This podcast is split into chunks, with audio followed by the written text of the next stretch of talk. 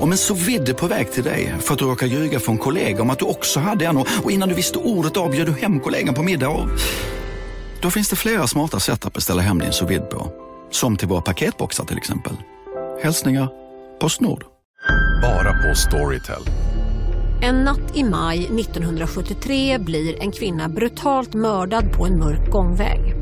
Lyssna på första delen i min nya ljudserie. Hennes sista steg av mig, Denise Rubberg. Inspirerad av verkliga händelser.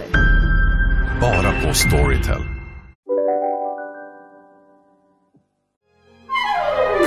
Du lyssnar på en podd från Perfect Day.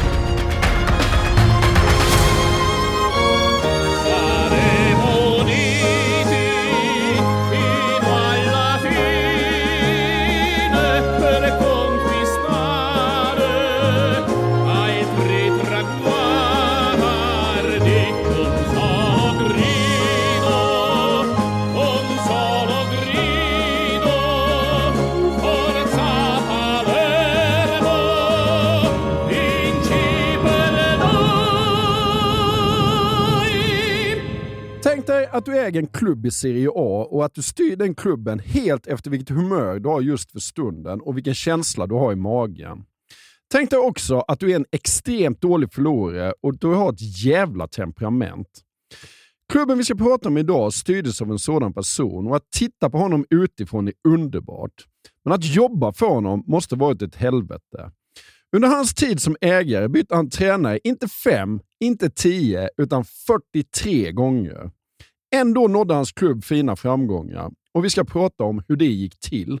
Ja, vi ska prata om Palermo och det är ju en historia som för oss både slutar och börjar med Maurizio Zamparini.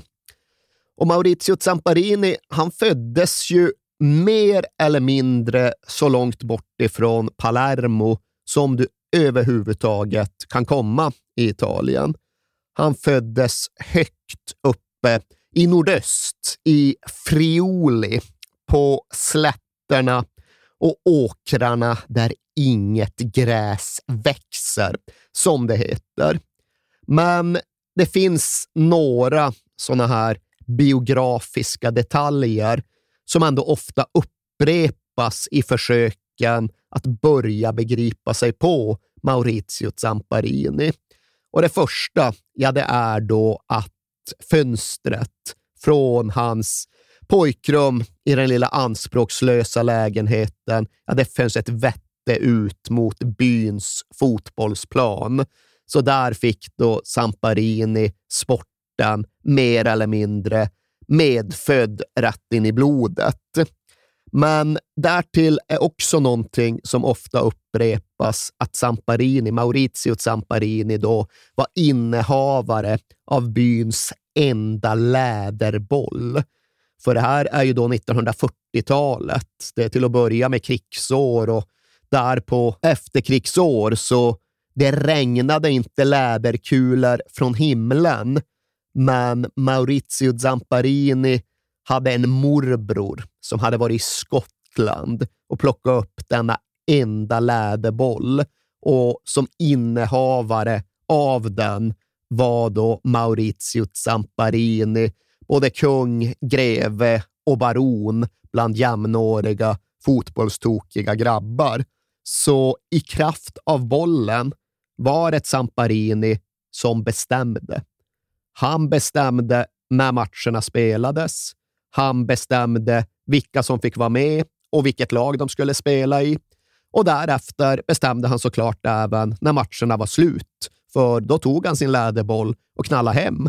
Och det gjorde han naturligtvis oftast i ett läge som var gynnsamt för den egna sidan.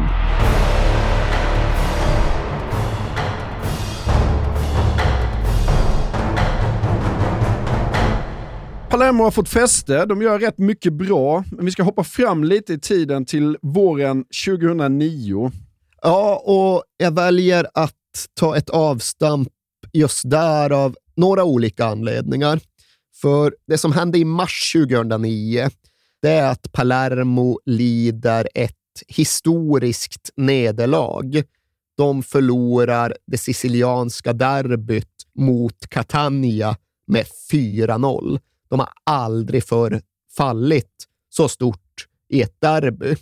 Och jag nämner det här men av några olika anledningar. För till att börja med så innebar den där matchen att ja, men det hördes ekon från ett par år tidigare. Och nu pratar jag om våren 2007 då jag själv var på Sicilien för att se fotboll i både Catania och Palermo för första gången. Det var en historisk säsong. Tre sicilianska klubbar i Serie A. Messina var också där och alla gick rätt bra. Mm. Och Det var trevligt på alla sätt och vis och det var fina fotbollsupplevelser. Inte minst då i Catania, där det var ett jävla tryck på den match jag var på mot Empoli.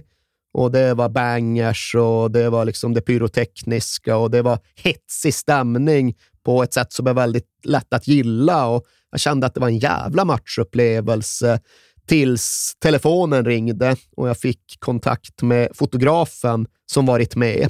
För When We Were Kings-lyssnare kanske känd från Schaktar-avsnitten där Andreas Bardell hade svårt att orientera sig i Donetsks utkanter. Andreas Bardell hade det kämpigt på Sicilien också, för när han ringde mig efter den här Catania-matchen visade det sig att han hade blivit nedslagen och misshandlad utanför arenan. Och det var såklart inte kul någonstans. Det var liksom otäckt på riktigt. Och när han först hade fått den första smällen hade han inte förstått om det var en kniv eller vad det var. Och sen hade han bara liksom räddats av att det ändå hade funnits polis i närheten som hade kunnat säkra både honom och hans kamerautrustning. Men en ganska liksom läskig upplevelse, absolut. Och Det var då den ena hemmamatchen. Nästa gång Catania spelade hemma, då var det derby mot Palermo och det var då på den matchen våren 2007 som polismannen Filippo Raciti blev ihjälslagen utanför Catanias arena. Och Det gjorde ju också att hela den där liksom upplevelsen med Bardell i efterhand kändes ännu mer otäckt. Ja, ifall folk faktiskt dog utanför den där arenan. Mm.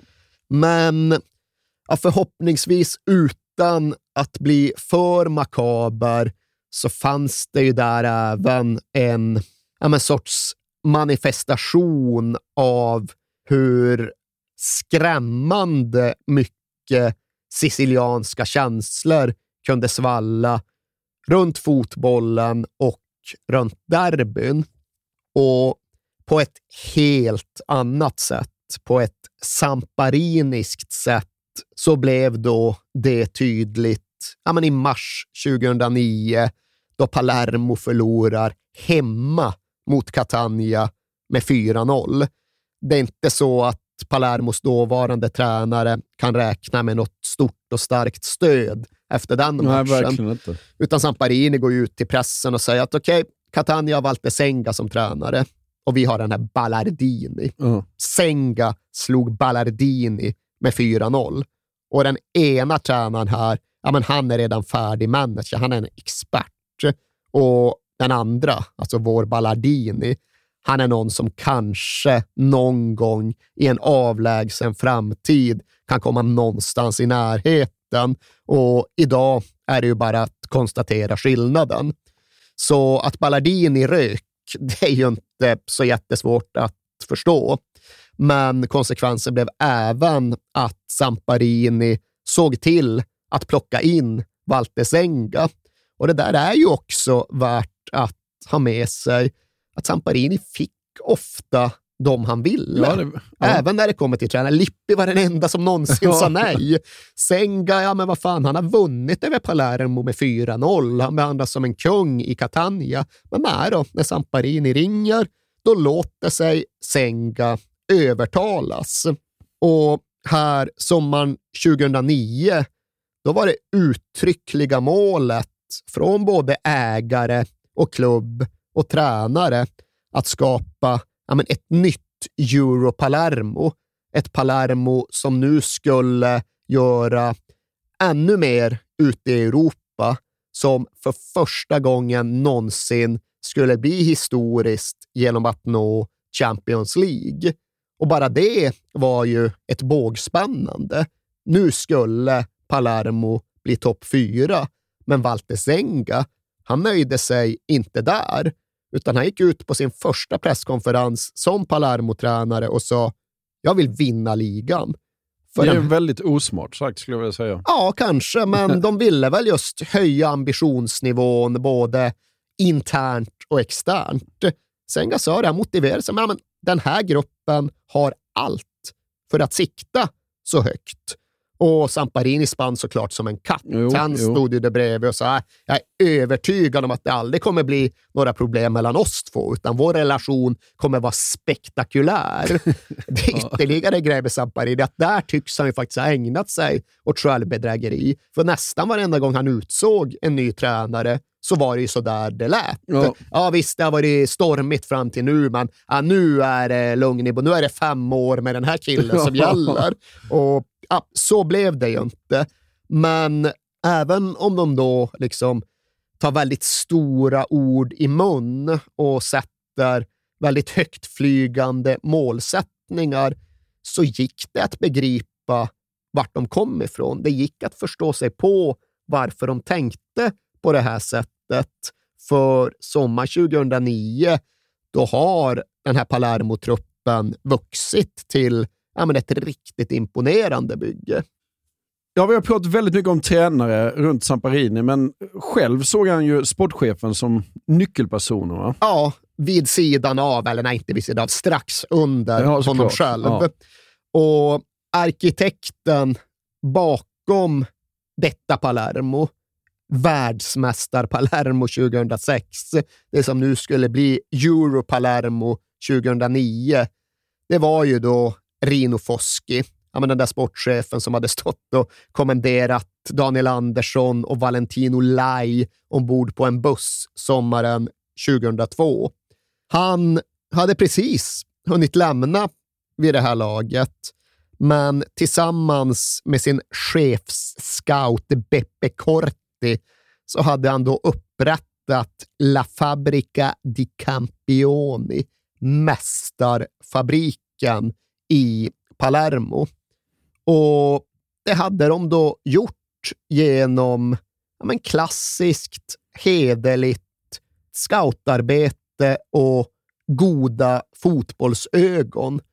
Det här var ju i mångt och mycket före Y-scout. Ja, det. det liksom funkade inte bara sitta framför datorn och skriva in söksträngar och få en resultatlista tillbaka, utan du behövde ha ett nätverk och få tips och därefter själv göra fotarbetet och åka runt över hela världen och vara väldigt klar över vad du letar efter. Det känns mycket roligare och hedligare på den tiden. Ja, alltså det, var ju, det var guldgrävande utan maskiner. Ja. Du får fan sätta dig vid floden med en hack och en sil själv ifall det ska bli något vaskat. Nu sitter någon jävla AI och väljer ja, och, nej, det, Jag håller med dig. Ja. Men här hade Palermo en konkurrensfördel och den blev tydligare och tydligare, även om Rino Foschi ju var mångårig i branschen och hade arbetat på annat håll innan han började jobba med Zamparini. Runt millennieskiftet var han till exempel i Verona. Och vet du vad han var väldigt nära att knyta till sig då? Nej. Zlatan Ibrahimovic. Jaha. Alltså han fick ner Zlatan och Hasseborg till Verona för att bekanta sig med stad och klubb. Själv påstår han att han till och med hade en överenskommelse med Zlatan och hans pappa, men att Verona, lilla Verona, sen inte vågade pröjsa 5 miljoner euro snabbt nog. För återigen, det här är då Rino Foskis version och han hävdar att de hade fått honom för 5 miljoner euro ifall de bara hade agerat snabbt och beslutsamt på plats och ställe. Sen gick det ju, ja, sen förändrades spelplanen för varje månad som gick. Zlatan fortsatte ju åka runt och besöka en del klubbar. Han var väl i både Monaco och Arsenal och ytterligare någon som jag glömt. och så kommer den där La Manga-turneringen och så kommer hans allsvenska Just genombrott och så blir priset inte 5 miljoner euro utan 6 och 7 och 8, 8 och en halv och så Ja. är det Ajax som till slut går in. Men Foskis jobb hade i alla fall varit gjort.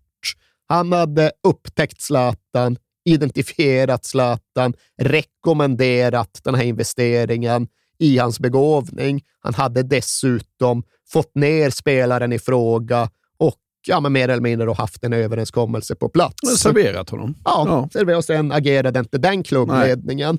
Men det där är ju också en sak med just Samparini och hans eh, impulser, hans snabba beslut, att de var jävligt kvickfotade Ja. på transfermarknaden.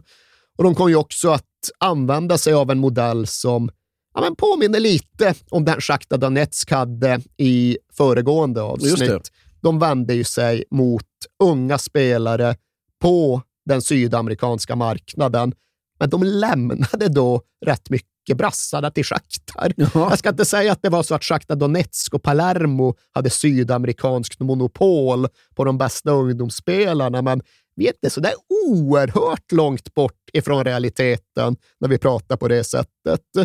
Och ja, men Det var rätt mycket så att U20-landslagen, U20-turneringen, Shakhtar tog de två bästa brassarna. Palermo hittade den bästa uruguayanen eller den bästa argentinaren. Och så var det när de till exempel tog in Abel Hernandez från Uruguay efter att han vunnit skytteligan i de sydamerikanska U20-mästerskapen. Och det var precis på samma sätt när Edison Cavani hade blivit utsedd till turneringens bästa spelare. Och där var det just det att de var snabba och beslutsamma. För Cavani, ja, han, var ju, han var ju bra på riktigt, det såg Ja. ju alla. Och det var inte så att Real Madrid inte hade scouter på turneringen. Nej, men det är det som känns otroligt. Men det är en längre process och det är inte lika självklart för spelaren hur liksom, vägen in i ett A-lag ska se ut. Och Palermo, Nej, men det känns omöjligt idag jo, nej, men det är ju såklart svårare för en klubb av Palermos storlek. Men det är också ganska sällsynt att en klubb av Palermos storlek eller av Shakhtars storlek kan bara snyta upp så pass mycket pengar ja, men mer eller mindre rakt över disk. För så väldigt ofta är det ju segdragna förhandlingar med klausuler hit och klausuler dit och avbetalningsplaner och en ytterligare bonus som infaller om detta händer säsong fyra och sen vidare försäljningsklausuler. Och Shakhtar med Achmetov, ja, de var ju väldigt mycket så att de la ju bara upp det som krävdes. Ja, ja. Och Palermo med Samparini, ja, men lite samma grej. Ingen oligark, men ändå en affärsman som inte styrdes av att maxa varenda klausul och paragraf. Jaha, är det det här som krävs? 4 miljoner euro. Okej, här har ni 4 miljoner euro. Ja. Skriv på då. Alltså det här var killen som flyttade ett helt lag på en dag när han köpte en ny klubb. Så stor dramatik är det inte att lägga 4 miljoner på en ung uruguayan. Nej, men om det hade varit precis motsvarande eh, läge idag, vad skulle Edison Cavani kosta eh, 2022 efter det han gjorde i Sydamerikanska mästerskapen? Ja, nej, man skulle väl kosta 24 miljoner euro Ja. kanske. Och Det är ju inte alla som har råd att betala det. Men jag tror att du måste även ha liksom kombinationen. Du måste ha pengarna och har du dem snabbt så får du ett förhandlingsförsprång. Och du måste därtill kunna visa på en snabb och realistisk väg in i ditt A-lag. Ja. För Real Madrid, alltså de har ju valt att värva unga brassar på senare år. Och vissa av dem har det gått jättebra för Vinicius har till sist blommat ut. Men många av dem har ju även fastnat utan att någonsin få fäste i A-laget. Ja. Och det är klart att det värderas ju också. Men har du det där att ja, snabba pengar, rakt ner i klubbchefens ficka i Montevideo och mer eller mindre en garanterad A-lagsplats till en 19-årig uruguayan Plus att i du morgondag. kanske, kanske också att vi stoppar inte dig om du ska vidare eller någonting. Nej, det var ju också en del av Palermos arbetssätt. Att visst, de var mästarfabriken, men det var ju just en fabrik med ett löpande band som fortsatte in till det italienska fastlandet. Samparini tvingade ju inte kvar sina stjärnspelare Nej. orimligt länge, utan gick det bra för dig i Palermo, då såg ju alla att då kom du till Napoli eller till Roma eller Inter eller Juventus eller därefter Paris Saint-Germain. Ja. Det var ju såklart också en del av lockelsen, men en viktig del av framgången, det var det här att de snabbt bestämde sig för att betala ganska mycket pengar på någorlunda undanskymda platser i fotbollsvärlden. För trots allt så var inte Uruguay någon första marknad år 2007. Och det var en risk att betala 40 miljoner kronor för en tonåring därifrån. Det fanns liksom inga garantier. Och ja, men lite på samma sätt så valde ju Palermo att betala 45 miljoner kronor för en 18-årig dansk mittback som de mest hade scoutat på en ungdomsturnering. Ja. Och det är bara att kolla på liksom skandinaviska, svenska övergångspengar idag och konstatera att 45 miljoner spänn för en 18-åring från Viareggio-turneringen, ja, det kan allt uppfattas som en rätt vådlig chansning. Då får man allt vara beredd att tro mycket på sportchefs och scoutingögon. Och Palermo lyckades ju inte jämt, men ena gången de gjorde den här typen av investering, ja, då visade det sig vara Edison Cavani. Ja, och nästa gång så visade sig den danska mittbacken vara Simon Kjær. Och den här sommaren 2009, då de skulle nå Champions League eller till och med vinna ligan, ja, då är det Javier Pastore som kommer från Huracan i Argentina. Alltså inte någon av storklubbarna. Rätt jävla bra jobbat. Det får man säga. Ja. Det är bra jobbat. Ja. Det är inga andra ord som vi ska använda. Sengas storslagna planer då? Gick det? Äh, här gick jag åt helvete, såklart höll jag på att säga. Han blir bara kvar i några månader och i november 2009, alltså ett par, tre månader in på säsongen, då är Palermo på undre halvan och Senga får ja, men en sorts sista chans i sitt eget rebound-derby mot Catania. Men det blir bara 1-1 och Palermo ligger på tolfte plats och fansen har aldrig gillat Senga just för att han kom från Catania och Samparini gör det Samparini gör. Ja. Han kickar i tränaren och hittar en ny. Här får man även säga att Samparini hittar rätt. Och är ju för sig kanske inte så avancerat, för tidigare så har kanske ja, men hans det där skrävlandet om att ingen säger nej till mig mest baserats på att han ja, men siktade någorlunda lågt när han tog in nya tränare. Det var inte de mest meriterade som kunde välja och vraka som hamnade i Palermo, utan det var snarare en typ av tränardoldisar. Men Walter Senga hade varit en typ av muskelspännande och nu blev Delio Rossi en annan.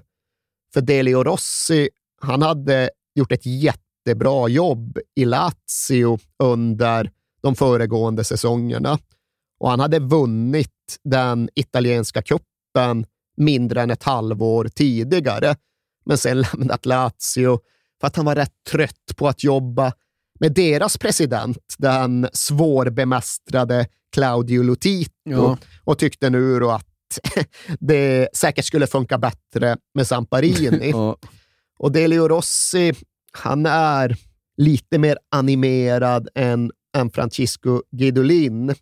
Men i jämförelse med Zamparini får man ändå säga att det är en rätt sansad och balanserad coach med stort tålamod. Och han lockades ju till Palermo av egentligen samma skäl som Walter Senga. Han såg också att det fanns mycket talang i den här truppen som främst Rino Foschi hade byggt upp. Offensivt var ju slagstyrkan extrem och ganska snabbt hittade även Delio Rossi fram till en väldigt välfungerande 4-3-1-2-uppställning. Då är det alltså Javier Pastore som ligger bakom Edinson Cavani och Fabrizio Miccoli. Och det räcker egentligen att höra de namnen för att förstå att där finns det mål att hitta. Och Delio Rossis Palermo, ja, de blir snabbt bara bättre och bättre och klättrar bara högre och högre i tabellen. Och okej, okay, de kommer inte vinna ligan som Walter Senga drömde om, men med bara två omgångar kvar av säsongen så är de faktiskt på vippen att uppfylla Maurizio Zamparinis vidlyftiga önskedrömmar. De är i praktiken en enda hemmaseger från Champions League. Ja, för då ska de möta Sampdoria hemma som är de som ligger precis framför dem på Champions League-platsen. Ja, och ja, det är väl så enkelt och så svårt att ifall Palermo besegrar Sampdoria, ja, då når de Champions League. Okej, okay, det är en slutrunda därefter som återstår, men går de förbi Sampdoria så kommer de hålla det. Men de måste vinna för att klättra upp på fjärdeplatsen. Det räcker inte med att spela något kryss. Men förhoppningarna är höga och tilltron är stor in i den här avslutande hemmamatchen. För Palermo är starka på La Favorita. Senast de förlorade en ligamatch där, ja, det var i det där derbyt mot Catania när de ja, rätt obegripligt nog föll med 4-0 och Ballardini fick kicken och Walter Senga kom in. Sen dess har det gått 15 månader och de har inte förlorat en enda hemmamatch, utan de har vunnit i stort sett varenda en. Ja. Den här säsongen har de vunnit 13 hemmamatcher, så det borde kunna gå. Historia fanns där för att skrivas och fotbollsfebern som la sig över stan var större än på flera årtionden. Det ska inte ha gått att hitta en parkeringsplats inom flera kilometer från arenan den här matchdagen och de enda tomma platserna inne på stadion ja, de fanns på bortasektionen. För det var även så att den här matchen sammanföll med vårt gamla hederliga askmoln från Eyjafjallajökull på ja. Island. Och Sampdorias fans kunde inte flyga till Sicilien. Kan man inte flyga, då tar det ett tag att komma ner. Ja. Så de som faktiskt tog sig dit var, var tappra. Men ja, på hemmasektionerna så var det egentligen en enda stol som stod tom. Och det var ju Maurizio Zamparinis. För det var ganska vanligt att han inte såg matcherna. Ja, det var mer regel än undantag. För det är också någonting som ska tas med i beskrivningen av hans era. Att han var i grunden en rätt frånvarande ägare. Även om han hade sålt Emezeta så hade hans affärsimperium bara vuxit på andra sidan och han hade hur många olika intressen som helst i vitt separata branscher. Han byggde turistanläggningar och han investerade i solcellsenergi och han hade mycket för sig och han utgick alltjämt uppifrån norra Italien. Så för det mesta så befann han sig där under hela veckan. Och Sen kom han väl ner till Sicilien när matchen började närma sig. Och Då snackade han med spelarna, förmanade spelarna och pratade med coachen. Ja, förmanade coachen också, men sen försvann han. Jaha. När det väl var dags för match, då var han för uppvarvad för att vara på arenan. Så då brukade han ofta ta en taxi till Santa Rosalia-klostret, där han då satt och kontemplerade medan matchen pågick. Jaha, så han tittade inte ens på tv då? Nej, nej, nej. Nähä. I taxin både till och från klostret så brukade han beordra chauffören att slå av radion så Jaha. att han inte behövde lyssna där. För det hade hänt någon gång och det upplevde han som helt outhärdligt. Men även där var han ju ofta för rastlös för att vara kvar i klostret en hel match. Utan han satt där och liksom trummade på knäna och tvinnade fingrarna och till sist bara, "Äh, pallar han inte, nu måste han till arenan. Ja. Så han kunde valsa in i paus eller med 25 minuter kvar eller någonting och börja föra väsen. Ja. Men den här avgörande Champions League-dagen mot Sampdoria, hade han inte ens vågat ta risken att sätta sig i en taxi till och från klostret. Utan äh, det var alldeles för stor fara att chauffören skulle hålla på och pladdra om matchen, även om inte radion var på. Så han gick hela vägen till klostret och satt sen där och blev kvar ja, men en hel halvlek innan han därefter vandrade tillbaka. Och när han väl infann sig på arenan, ja, då var rätt mycket redan förstört. För Sampdoria hade tagit ledningen på straff och det var hetsigt och frustrerat inne på arenan. För hemmapubliken uppfattade det som att Palermo konsekvent blev bortdömt. Det var inte nödvändigtvis själva straffen, utan det var den generella domarnivån Ja. som missgynnade dem. Och Samparini, han hinner väl precis uppfatta det här och börja varva igång själv, då faktiskt Palermo får en straff. Och det är Fabrizio Miccoli, kaptenen, som fixar fram straffen. Och det är han själv som drar dit straffen, trots att han vid det laget skadar korsbandet ganska svårt. Ja, det. Det ryker inte helt korsbandet, men det tar rejält med stryk. Så Miccoli haltar mer eller mindre fram och slår in den där jätteviktiga straffen. Och sen fortsätter han spela med ett tilltufsat korsband ytterligare lite väl många minuter. För det är så viktigt. Det är en sån möjlighet. De måste få in ett segermål. Och chanserna är flera och chanserna är stora. Men bollen går inte in och Mikkoli tvingas avbryta och Samparini får lov att konstatera att nej, det var helvete, det gick inte. Och han försökte visserligen liksom gaska till mod att ja, men vi vinner vår sista ligamatch och Sampdoria tappar så går vi till Champions League ändå, men Sampdoria tappade ju inte. Nej. Sampdoria höll i sin fjärde plats och den här dagen kom istället att gå till historien som en av de verkligt missade möjligheterna. Där stod Palermo så, så nära en helt ny nivå, men lyckades inte ta sig upp på den eller tilläts inte ta sig upp på den.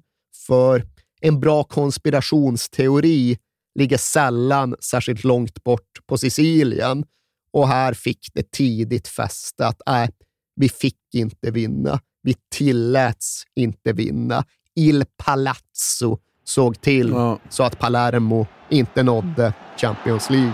Occhio a Pastore area di rigore, Pastore, Storari, Budan! L'ha messa fuori e non c'era fuori gioco. È finita la partita, è finita 1 a 1, tutto rimandato tra una settimana.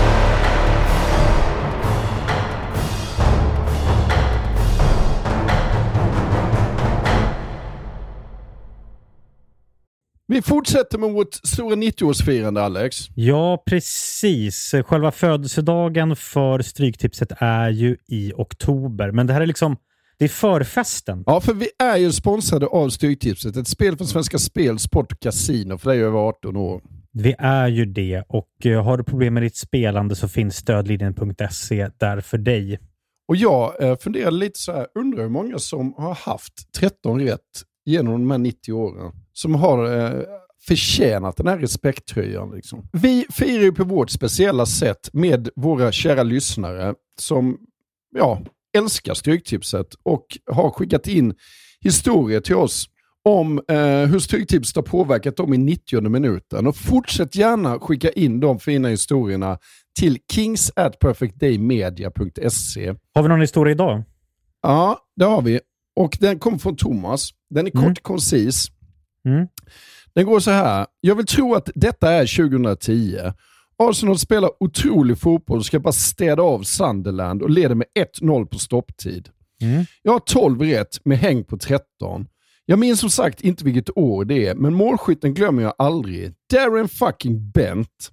Han bombar in 1-1 och 12 blir 11 som sen blir 10 rätt.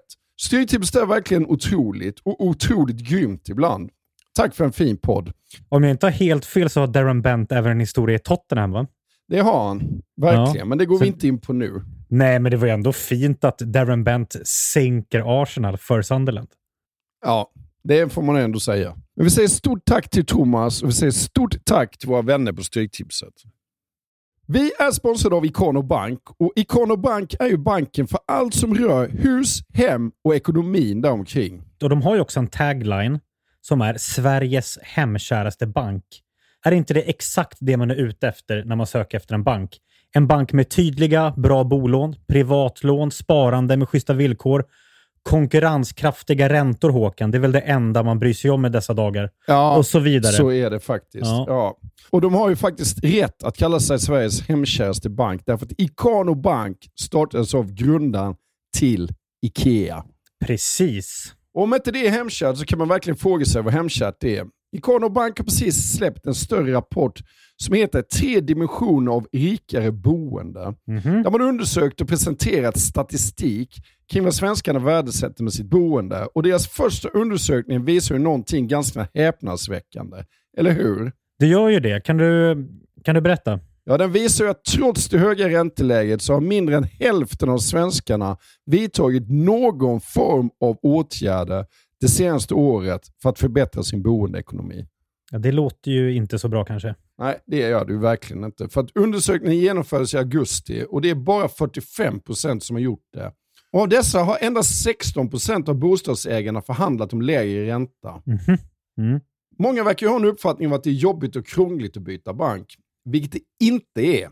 Fler borde kolla upp om du kan spara pengar genom att byta bank. Därför uppmanar vi er att ta kontakt med Ikano Bank eller gå in på ikanobank.se för att se om du faktiskt kan få en bättre ränta. Vilket är en no-brainer med tanke på hur ränteläget ser ut, eller hur? Verkligen, så är det ju. Vi säger stort tack till Ikano Bank.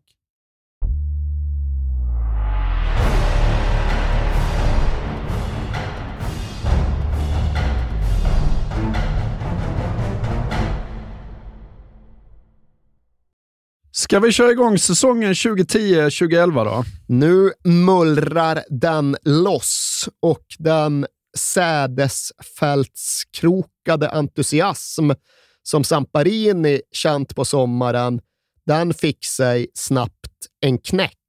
För Palermo vinner inte på säsongens tre första matcher.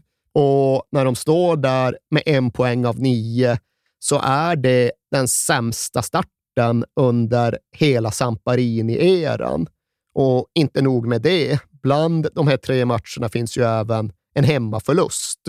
Och det är visserligen mot de regerande Europamästarna från Inter, men det är ändå första hemmaförlusten på 29 matcher. Ja. Och det är därtill en förlust där Palermo upplever att de blir bortdömda. Att det kanske Ja. finns någon i Il Palazzo som inte gillar dem. Så de lämnar in ett formellt klagomål kring denna domarinsats. Och det här ska komma att bli ett genomgående tema det här spelåret. Men ja, trots allt, i den fjärde omgången så besegrar Palermo Juventus borta. De vinner med 3-1 och det är faktiskt tredje säsongen i rad de vinner borta mot Juventus. Och det är anmärkningsvärt, Ja, det men här får de då ja, lite liv i sin egen säsong. Sen följer de upp det med att besegra även Fiorentina i nästa bortamatch, men där får Fiorentina ett reduceringsmål efter en straff som är så pass tveksam att Samparini nu går ut och skriver ett öppet brev till domarorganisationens chef i Corriere dello Sport. Och nu, ja, nu har han fått nog. Liksom, nu, Ja. nu måste det sättas på pränt och nu måste folk få upp ögonen för att Palermo så systematiskt missgynnas. Och det är ändå bara en västanfläkt inför det som ska komma. För nu är vi inne i november och Palermo åker upp till San Siro för att möta Milan. Ett starkt Milan. Ronaldinho har kommit, Ja. men framför allt så är ju Zlatan Ibrahimovic där och pumpar på. Det blir till sist en 3-1-seger för Milan och det framstår väl inte som särskilt remarkabelt med tanke på styrkeförhållandena, men Palermo-lägret är i upplösningstillstånd, för de är helt övertygade om att de själva skulle haft i alla fall två straffar. Och det kan jag nog hålla med om. Ja. De skulle nog haft en straff för en krokning och en andra straff för att en Mikkoli frispark tar på handen på en hoppande Milan-spelare i onaturlig position. Men det här är en tid före VAR och där Palermo inte får sin straff får istället Milan en. Och de får den efter att Ambrosini dragit med sig bollen med armen in i situationen. Och så kan vi dessutom lägga till att Zlatan Ibrahimovic kanske stod offside vid 3-1 målet också. Så där har de en ganska diger lista av klagomål, Palermo. Och de har nog fog för att vara upprörda den här kvällen. Och själva känner de ju då att det bara bygger på ett torn av felaktigheter som nu har blivit alldeles för högt. Så vad gör Samparini? Ja, han eh, klagar högljutt. Jag vet inte riktigt hur. Ja, han ger upp. Han ger upp. Han ger upp. Jaha. Det kommer en skrivelse på Palermos hemsida kort därefter där Samparini meddelar att han har gjort sitt. För okej, det var jobbigt efter Sampdoria, men sen kom Sädesfältscirklarna och jag börjar tro igen. Men nu inser jag att nej, jag må ha liv i en annan dimension, men de jävlarna har makten. Så han skriver uttryckligen på Palermos egen hemsida jag har givit en rådgivare uppdraget att sälja mina aktier i Palermo Calcio. Och allt det här beror på att jag känner mig uppgiven och besegrad av en pseudoidrottsvärld där, trots mina 25 år av kamp, sportsliga värden försvunnit mer och mer och där den ekonomiska och mediala makten hos tre, fyra klubbar regerar. I min ålder är jag trött på att slåss, så jag hoppas nu kunna lämna över till någon yngre. Någon som har styrkan och entusiasmen för att kämpa fram den förändring jag inte kunnat uppnå. Att föra fotbollen tillbaka till idrottens fält och till sina sanna värden. Och hur länge håller han det löftet då? Ja, två dygn eller Ja. någonting. Men han börjar i och för sig, jag ska inte säga att han börjar släppa Palermo med blicken, för han har som sagt alltid varit en hyfsat frånvarande ägare som lagt mycket tid på sina affärsintressen. Men jag tror ju att hans motvilja och uppgivenhet gentemot fotbollen ändå är genuin. Och jag är helt säker på att hans egen övertygelse är att det finns en typ av maktkomplott som styr. Och det här bidrar nog även till att han bestämmer sig för att utvidga sitt inflytande genom att vid sidan av sin idrottsliga kamp även ge sig in i den faktiska politiken.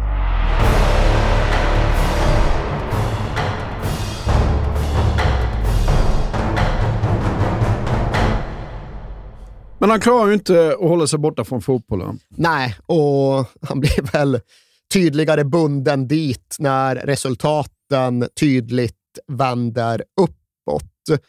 För efter denna indignerade vrede i Milano går sen Delio Rossis Palermo in i en period där de vinner sju raka hemmamatcher. Och så följer de upp det med en fin seger mot Lecce borta. Och det innebär att in i februari så ligger de bara två poäng från Champions League-platsen. De är ungefär där de hade hoppats vara och de har möjligheten att få det där såret från den föregående säsongen att läka, att istället uppfylla sina hett eftertraktade Europadrömmar. Men precis när det då börjar kännas verkligt igen, när det nästan går att snudda vid, ja, då kommer en katastrofsvit där Palermo först faller mot Fiorentina hemma och sen förlorar mot Bologna borta i sista minuten. Och det är ju också tungt, men det innebär att det verkligen är tryck på laget inför nästa omgång och hemmamatchen mot Udinese. Och det... Och här, måste jag bara säga, här tror jag att Samparini sätter italienskt rekord i högt blodtryck faktiskt. Ja, alltså för honom är det alltid lite speciellt att möta Udinese till att börja med. Det är ändå liksom klubben från hans egen hemregion, klubben han tidigare försökt köpa, klubben vars anhängare han någonstans ändå vill visa upp sig för och spegla sig i. Så det är lite av Zamparinis eget derby. Och på motståndarbänken sitter därtill Francesco Guidolin, alltså ja, men hans första egen tränarson som nu sparkats ut hemifrån. Delio Rossi är på något sätt hans andra egna tränarson. De andra som har suttit på bänken de är mest bara kusiner eller avfällingar eller bortkomlingar eller vad de är. Mm. Men just Delio Rossi och Francesco Guidolin, det är ändå de som han har starkare emotionella band till. Och så därtill ett eh, skarpt tabelläge och oron för en vikande trend. Så redan in mot matchen så är Samparinis blodtryck förmodligen ganska högt och när han väl flyger in till Palermo så brukar han ju snacka med spelarna ge tränaren lite pekpinnar och instruktioner. ja. Men nu ska han göra det tydligt för Delio Rossi att så som det har varit på sistone kan det inte fortsätta. Och först och främst så får du se till att strama upp försvaret, att säkra upp defensiven. Det är ingen uppmaning, det är en order. Det här får du lösa, Delio Rossi. Och med de orden så drar väl sen Zamparini iväg från La Favorita och uppsöker sitt katolska kloster för att hitta lugnet där. Men när han väl återvänder till arenan, ja, då är det väl inte lugn och frid som sänker sig över honom direkt. För ja, det här blir en historisk match, ett historiskt nederlag, ett historiskt fiasko. Delio Rossis idé för att strama upp försvaret, den ska då ha utgått ifrån att till att börja med peta Ezequiel Munoz, som de flesta ändå uppfattat som Palermos individuellt sett bästa mittback den här säsongen. Och därtill så väljer han också att lyfta hela försvarslinjen, hela laget, så att ja, de står riktigt högt med backlinjen. Och så möter de då ett starkt, skickligt och snabbt Udinese med en ung Alexis Sanchez och en evig Antonio Di Natale på topp. Och ja, hur går det egentligen? Ja, det är 7-0 i baken. 7-0 ja. i baken. Och Alexis gör fyra mål och Di Natale gör hattrick och två hemmaspelare blir utvisade. Och det är så huvudlöst så att det knappt går att förstå sig på. Menar, har du kollat på bilderna från matchen? Eller? Nej, det har jag faktiskt inte. Det kan vara värt att göra. Ja, det, kanske ska lägga ut det. Ja, men vissa tillfällen så de står med en ganska trög backlinje på mittlinjen och så skickar någon iväg Alexis på djupled. Och han är hälften så stor som mittbacken som jagar, men ungefär tre gånger så snabb. Och så virvlar han bara fram mot en övergiven Sirigo och så här dubbla överstegsfinter och bara trampar förbi och lägger, lägger in bollen. Ja. Ja, det är liksom två lag som spelar på en helt annan hastighet än varandra. Och ja, Maurizio Zamparini är ju inte direkt nöjd och belåten Nej, när alltså här- matchen väl ska summeras. Nej, alltså här är jag ju avundsjuk på den reporter som, ska, som ringer upp och får tag i Samparini efter matchen. Och hade jag varit chefen här så hade jag bara, du måste sätta på högtalartelefonen för det här vill jag höra. Di Natale la fa passare per Sanchez, può andarsene tutto solo davanti a Sirigu. Sanchez, Sanchez, ancora Sanchez e sono tre. Splendido gol di Alexis Sanchez, ma che palla di Totò Di Natale. Ja, det som blir sammanfattningen av Samparinis mediala framträdanden efter slutsignalen, det är ju att han ger Delio Rossi, citat, max en procents chans att ha kvar sitt jobb. Lite oklart vad den där en procentaren egentligen skulle ha bestått Nej. av. Det är väl möjligen ifall Delio Rossi då hade haft någon förklaring. Men i Samparinis ögon så är det inte bara det här med att laget har förlorat. Inte ens enbart det att de har fallit med 7-0, utan det är ju att Delio Rossi i ägarens ögon har trotsat honom. Vad fan, här sa ju Samparini åt honom att fixa försvaret och så gjorde han inte det. Han gjorde istället precis tvärtom.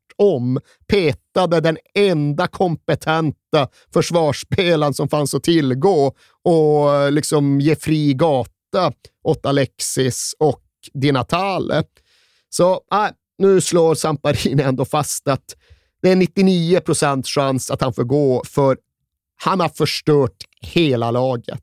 Han har raserat mitt Palermo. Jag borde ha sparkat honom redan i julas.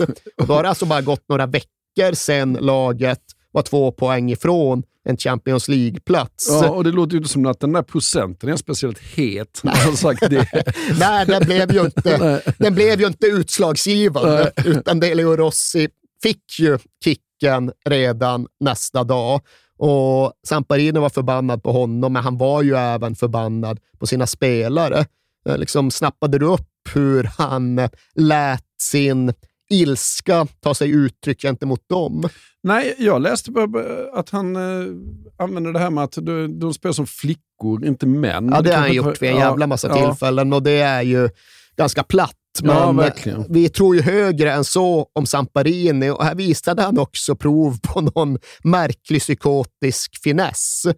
För det han gjorde var att han lät sy upp speciella näsdukar till var och en av spelarna med siffrorna 7-0 inbroderade. Och han motiverade det genom att säga att ja, varje gång spelarna snyter sig framöver så kommer de minnas den här dagen. Och Jag vet inte om det finns någon liksom speciell italiensk symbolik här, att det är något laddat med snytningsproceduren, eller om det bara är en märklig grej att göra. Eller han kan bara säga, gå hem och gråt och torka med den här. Ja, nej, men jag hoppas någonstans att det inte finns någon traditionell förklaring, Nej. utan det är bara något som man har snutit ur snoken, pun intended, för den obegripliga förolämpningen är nästan bättre än den som går att förstå sig på. Absolut.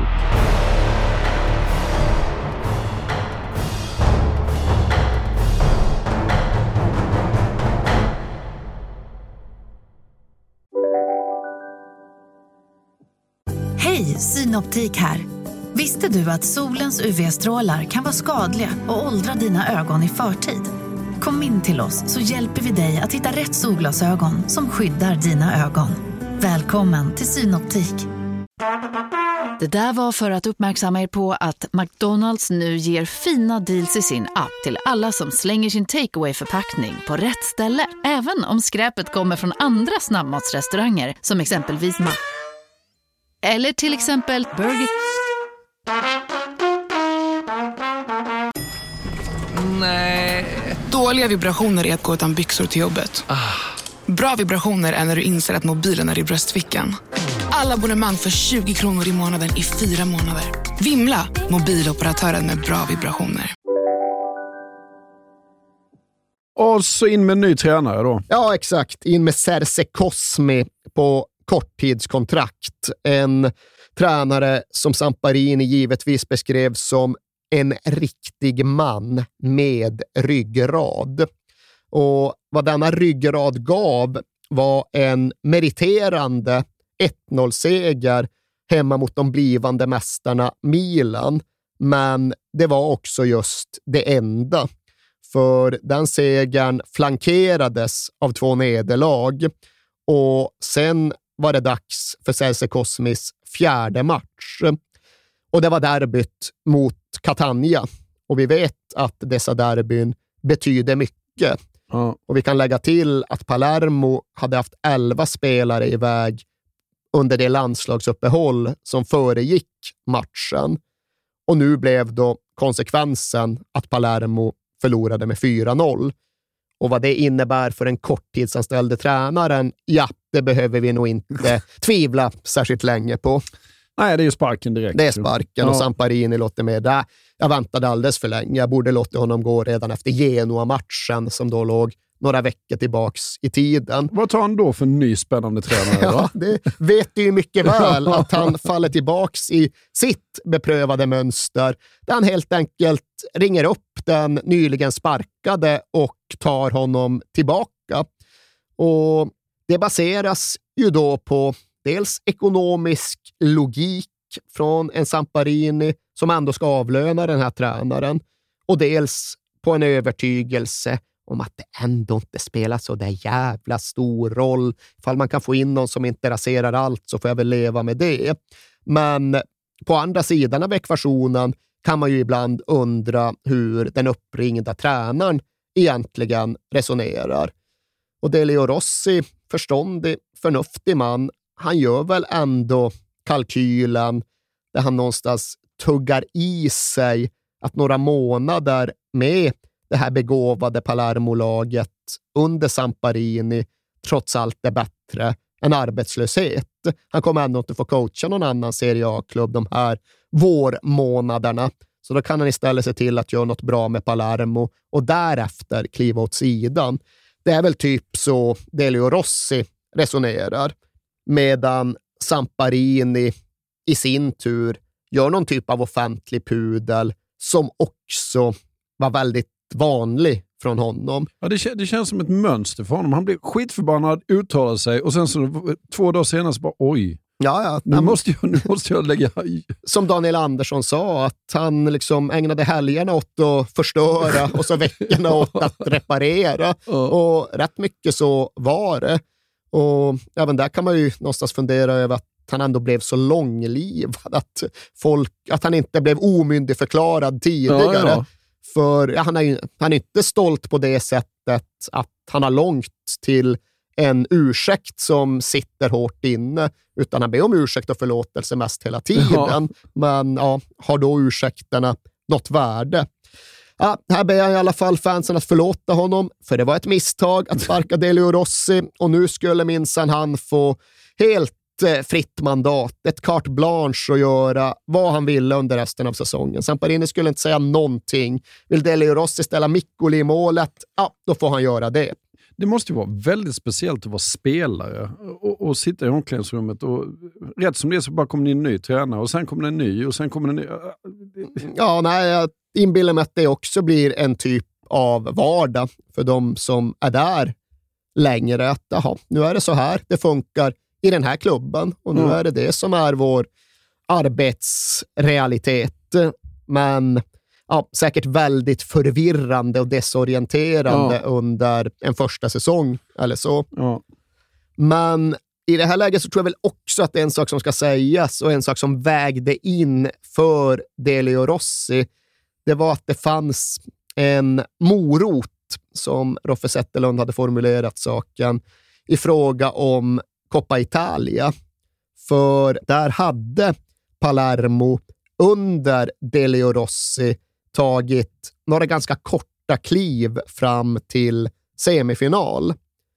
Eftersom att de slutat femma i ligan föregående säsong så gick de in först i åttondelen. De fick liksom ett fripass förbi någon omgång. Och i åttondelen fick de Kievo hemma. Inte omöjligt. Nej. Och den matchen vann de med 1-0. I kvarten i januari, Parma hemma. Inte heller omöjligt, men inte jätteenkelt. Och en match som blev så tajt att den gick hela vägen till straffar. Men Hernan Crespo missade den första för Parma och Vagliani skyfflade en sista över för Parma när det väl var sudden death. Och det liksom räckte. 1-0 hemma mot Kiev och 0-0 hemma mot Parma. Sen var det semifinal Ja. och det bidrog säkert till att Delio Rossi ändå kände att det var värt att göra de här sista vårmånaderna. Det gick ju faktiskt att åstadkomma något stort här om allt föll på plats. Ja, och där i uh, semin så väntade Milan borta. Ah, det är dubbelmöte, så det är ju börja borta och Ja, sen det är det ju. Ja. vända hem Ja, det. och avgöra det där. Men ja, ett Milan som då, då redan har stötts mot två gånger i ligaspelet och ett Milan som ju var bra, som ju var bäst i Italien. Ja. Det var Nesta och Thiago Silva som mittbackar, som hade Pirlo och Sedorf på centralt mittfält och som sen kunde låta Antonio Cassano och Robinho latcha fritt runt Zlatan Ibrahimovic längst fram på topp. Det låter ju rätt bra. Ja, det var ju ett lag som skulle ge dem ligatiteln mitt emellan de här två semifinalerna. Och det kan kanske ha påverkat Milan lite grann. Det kan nog ha givit Palermo en fördel att Milan fokuserade så pass mycket på scudetton. Men såklart ett Milan som är favoriter och ett Milan som inleder hemmamatchen med att Zlatan stöter in en volley efter bara tre minuter. Och där kan man väl misstänka att de kanske ska springa iväg. Men nej då, det gör de inte, utan tvärtom så hämtar Palermo in matchen och tar tag i bollen och hittar omställningarna och lirkar fram både en kvittering och ett ledningsmål. Det är först Pastore som kvitterar och sen är det Pastore som lägger fram till en djupledsspringande Abel Hernandez som hittar en så jävla skön vinkel i bortre krysset när han vispar iväg sitt avslut. Jag vet inte om du har sett målet. Nej. Det är någonting med hur bollen går in. Bollar kan ju liksom gå in i mål på mer eller mindre tilltalande sätt. Här är jävligt estetiskt lockande när Abel Hernandez på. hittar det bortre krysset. Hernandez, che rete di Abel Hernandez, grande gol del giocatore uruguagio, è in vantaggio il Palermo, 2-1, Delio Rossi soddisfatto. Ma tu non Eh, sai, qui- qui non è eh, Palermo, è fuori grotta. Anche qui è, è un'ingenuità della linea difensiva, è rimasto secondo me eh, Antonini che... Och Palermo hade mycket väl kunnat vinna bortamatchen. De hade kunnat vinna den med mer än 2-1. Men med en knapp kvart kvar så blir de ja, men så skräckslagna av Zlatan Ibrahimovic att de i stort sett offrar hela sitt lag på att försöka stoppa honom. Det är en rätt otrolig sekvens faktiskt och hade det funnits någon bra stillbildsfotograf där ute så hade det här kunnat bli en sån där bild som när Maradona ensam möter ett halvdussin belgare Ja. i VM 82. För Zlatan har bokstavligt talat sju motståndare runt sig strax utanför Palermos straffområde och han slår ut dem i stort sett allihopa. Han dribblar sig loss från några, trycker sig, stångar sig förbi ytterligare någon och till sist rinner bollen iväg. Och då har liksom sju Palermo-spelare bara gått bort sig. Och Urbi Emanuelsson från Ajax är helt fri och kan dra dit kvitteringen. Så 2-2 efter första matchen. Ja. Ett bra resultat för Palermo, men det hade kunnat vara ännu bättre. Och returen på Sicilien då? Ja, det är någon form av upprepning av Sampdoria-matchen från föregående år. Okej, nu är insatserna annorlunda, men ändå ungefär med samma sorts laddning. Då låg det en Champions League-plats i potten och dit hade Palermo aldrig tidigare nått. Nu är det en cupfinal som står på spel och i en sån har inte Palermo varit sedan 1970-talet. Och La Favorita, ja, men smockfullt, verkligen packat med 33 500 åskådare. Men ja, Milan de har precis krönts till mästare bara några dagar tidigare och de ger det här ett riktigt jäkla försök för att ja, men, behålla möjligheten till dubbeln. De går ut och kör som satan och är klart bättre i den första halvleken. Men Palermo överlever. De hänger i fram till paus. Delio Rossi har styrt upp försvaret, kan Samparini konstatera med glädje. Och in i den andra halvleken är det sen Palermo som flyttar fram och varvar upp medan Milan kroknar. Milan hade verkligen inte gått ut och varit loja och ointresserade och bakfulla från start. Men efter sådär en timme så är det någonstans som att urladdningen och firandet från ligan kommer ikapp dem.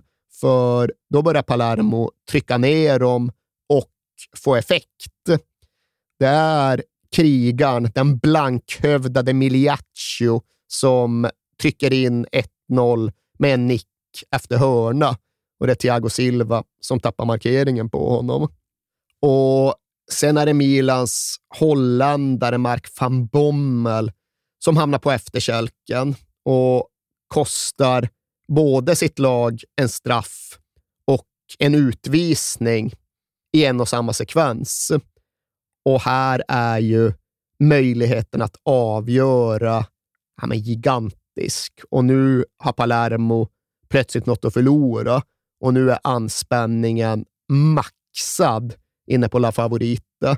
Delio Rossi, han brukar inte våga titta på viktiga straffar. Han kollade inte när Mikkoli slog in bollen mot Sampdoria ett år före, men nu får han sällskap av ja, men både hela bänken och stora delar av arenan. Mm. Det är nästan så att det är en majoritet där inne som har ansiktet bortvänt när mittbacken Cesare Bovo ska springa fram och skjuta. Men han tycks iskall. Han bara tycker ner bollen i hörnet som om inget särskilt stod på spel. Och där har ju Palermo säkrat finalplatsen ifall ingen gör något dumt, ifall ingen tappar huvudet. Och de verkar ju ha nerverna ja, under fullständig kontroll. Cesare Bovo kan slå en straff som ingenting i det här läget. Ja. Så ja, vad händer där på? Bollen rullar igång, det är avspark. Det första som sker att Cesare Bove rusar fram och sparkar Pato i ansiktet. det är inte fullt så obegripligt som det låter, men ja, nästan. Det är ganska obegripligt. Och då får han rött kort. Och så har Milan en kvart kvar att spela på. Och Zlatan, som inte startade, har kommit in och börjat sina grejer. Och han kommer loss och han har en boll som går stolpen och andra stolpen också och ut. Stolpe, stolpe ut. Ja. Och sen fortsätter han köra och få in en reducering, men det är först i den 94 minuten och det är för lite och det är för sent och Palermo har brutit ny mark under Samparini. De har tagit sig någonstans där de aldrig tidigare har varit. Nu ska de spela en final. Nu ska de spela för att faktiskt vinna en titel. Ja, och i finalen i Rom så väntar då inte... Ja, och finalen spelas den 29 maj, vilket de sicilianska numerologerna sätter rätt stort värde på. För det var ju även den 29 maj som de först gick upp under Zamparini. Och motståndarna, Inter, ja, det vet ju alla att det är en stor klubb och det är en stor match för dem också. De ska försöka rädda någonting av sin post-triplete-säsong, men de blir fullständigt utnumrerade den här finaldagen i Rom, både inne på och utanför Olympico. För, för Palermo är det ju inte en stor dag. För Palermo är det den största dagen. Ja. Okej, ett par cupfinaler på 70-talet också, men det var mer småskaligt då och förhoppningarna var mindre och laget i grunden sämre. Det här var dagen då det till sist skulle ske och Rom färgades rosa.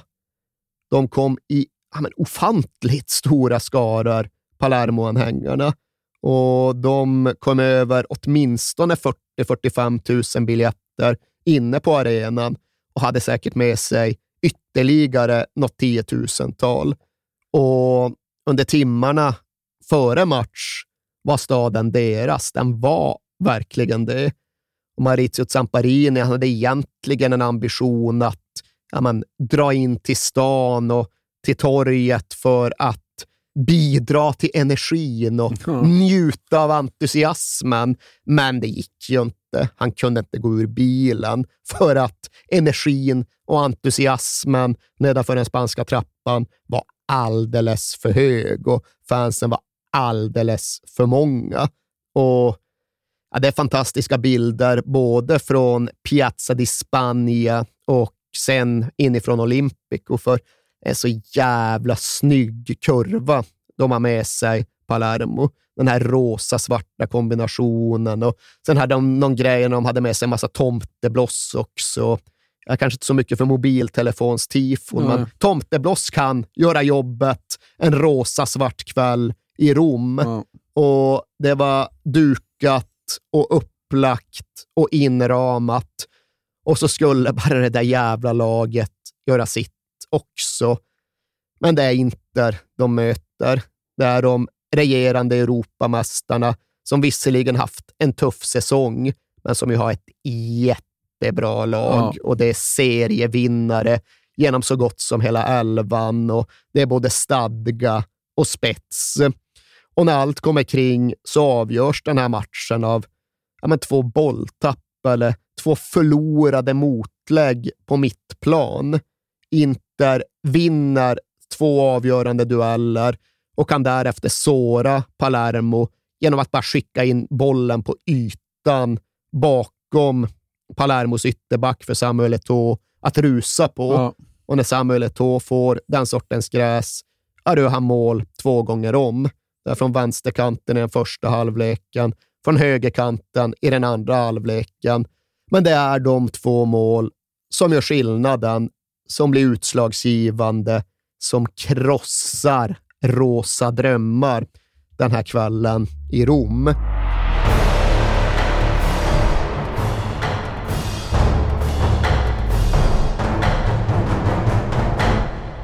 Hur slutar den här historien då, Erik? Ja, den slutar ju i lite olika omgångar. Först med Samparini som försöker sälja till ett märkligt amerikanskt konsortium, men sen ändå återvänder för att liksom styra upp saker och Ja. ting. Men som sen definitivt säljer ja, men till någon bluffägare, alltså mer eller mindre ett brevlådeföretag med säte i London och tackar därmed för sig, både inom Palermo inom fotbollen. Och ja, Siffrorna kan ju då variera lite beroende på exakt hur du värderar och summerar. Men totalt så sparkade Maurizio Zamparini någonstans mellan 65 och 70 tränare under drygt 30 år i elitfotbollen.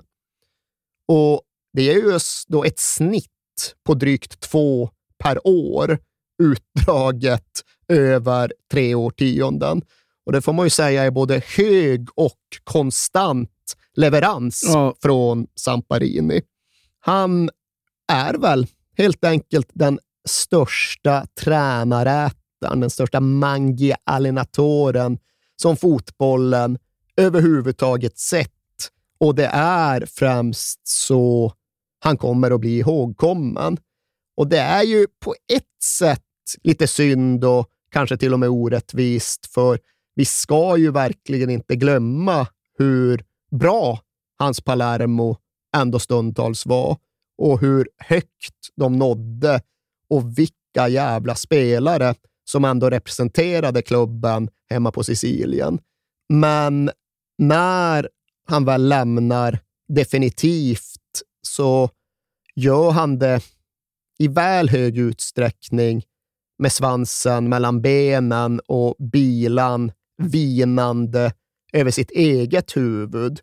För då är han inte längre älskad eller ens uppskattad i Palermo. Då är han snarare bespottad i Palermo.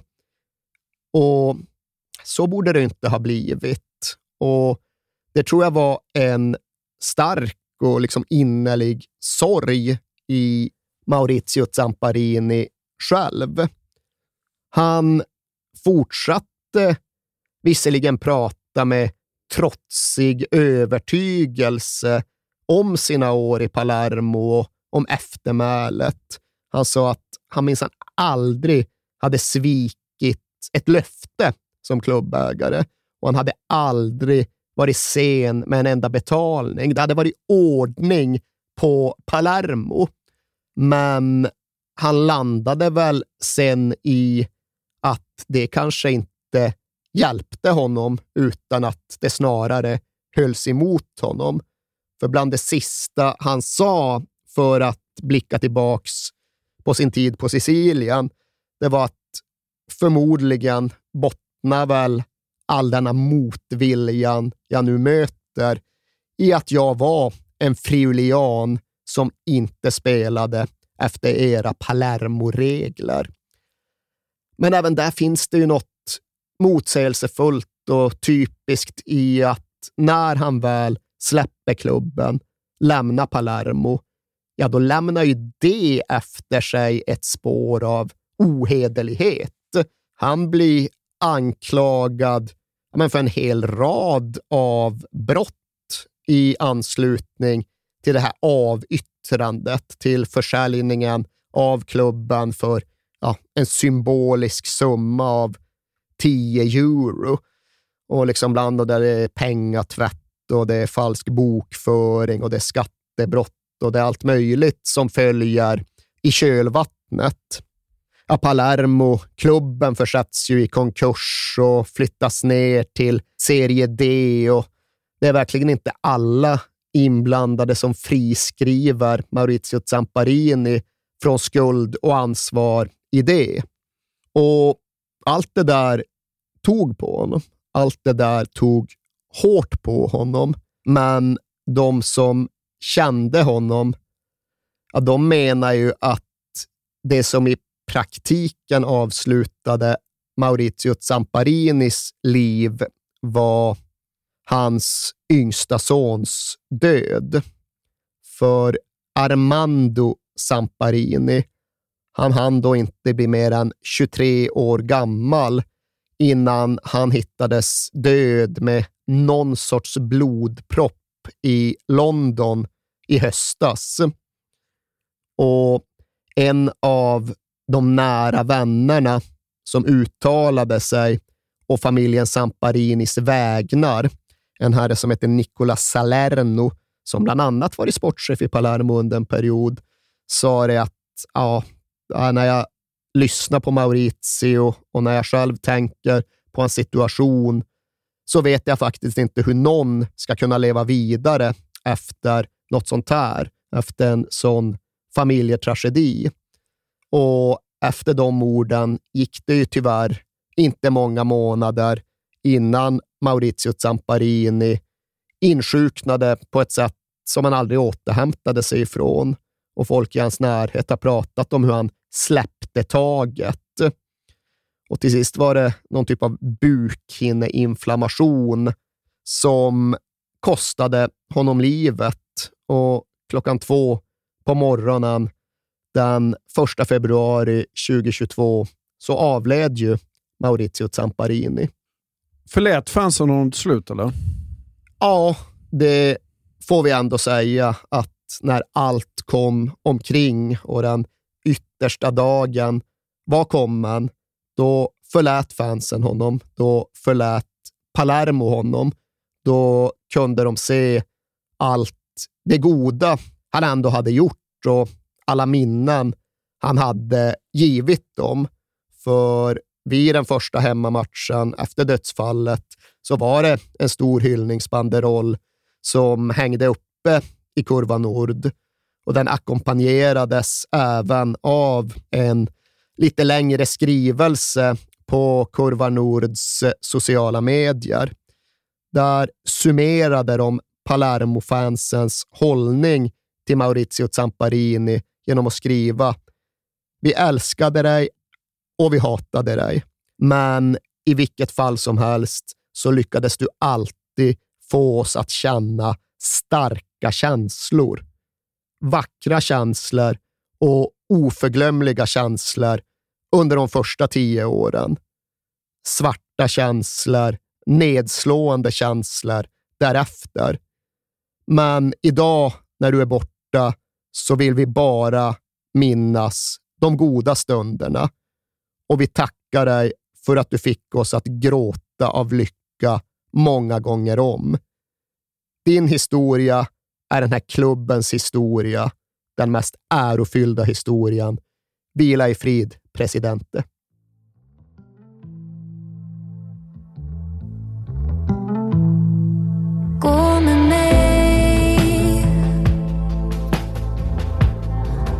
Bakom skuggor ser du sol.